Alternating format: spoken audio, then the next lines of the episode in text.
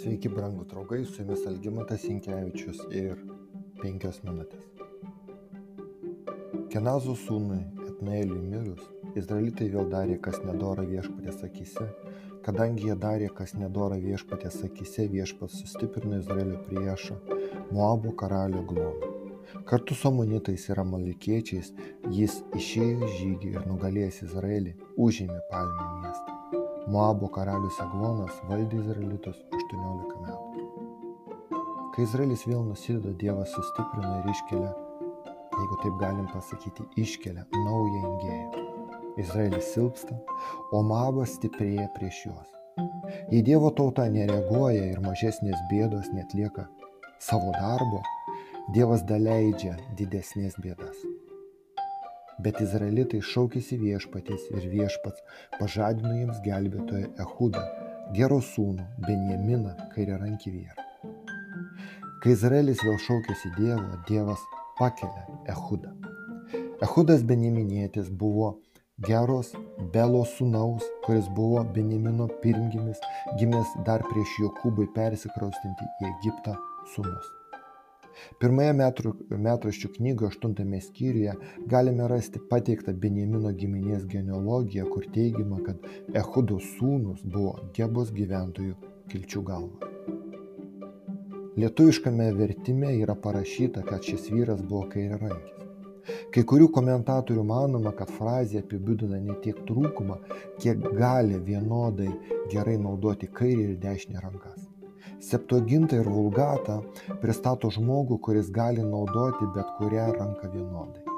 Tačiau originalo prasme kairiarankis vyras pažodžiui būtų vyras su suvaržyta arba pažeista dešinė ranka. Būdamas teisėjų ir dieviškojo teisingumo įrankiu, Ehudas nužudė Moabo karalių Agloną ir taip įvykdė Dievo sprendimus prieš Dievo ir Izraelio priešą. Tačiau tai nėra taisyklė mums dabar, kai mes patys galime vykdyti savo sugalvotą teisingumą Dievo vardu.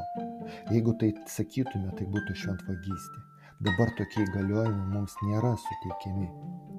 Toliau atkreipkime dėmesį į Hudo žinę Eglonui.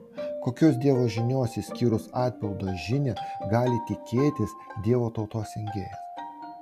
Tokia žinia yra Dievo žodėje. Dievo vaikai drąsiai tai skelbia, nebijodami nepasitenkinimo, priekaištų ir neatsižvelgdami nusidėlių asmenų užimamą padėtį.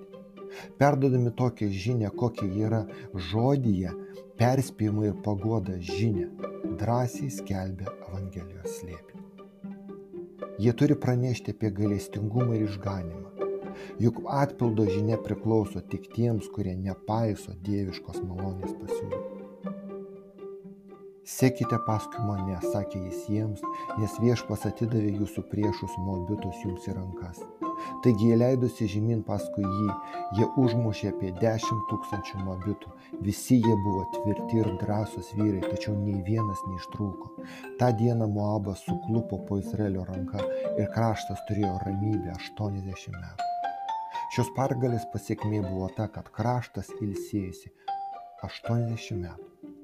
Mesopotamijos karalius, Moabo karalius, paskui jos filistinai ir kananiečiai iš Hatsoro, vadovaujami Siseros, tapo Izraelio ingėjais. Otnielis, Šamgaras, Ehudas, Debora ir Barakas buvo šaukti kaip savo žmonių išvaduotojai.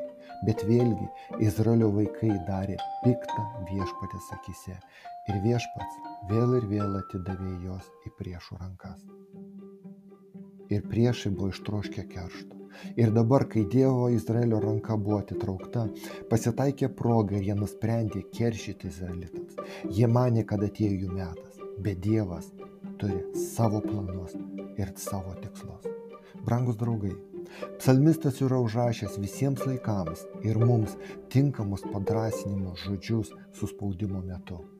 Viešpats mano ola, mano tvirtovė, mano gelbėtojas, mano Dievas, mano ola, kur randu pastogę, mano skydas ir mano išganimo jėga, mano pilis. Su jumis buvo penkios minutės ir Algymantas Jankievičius.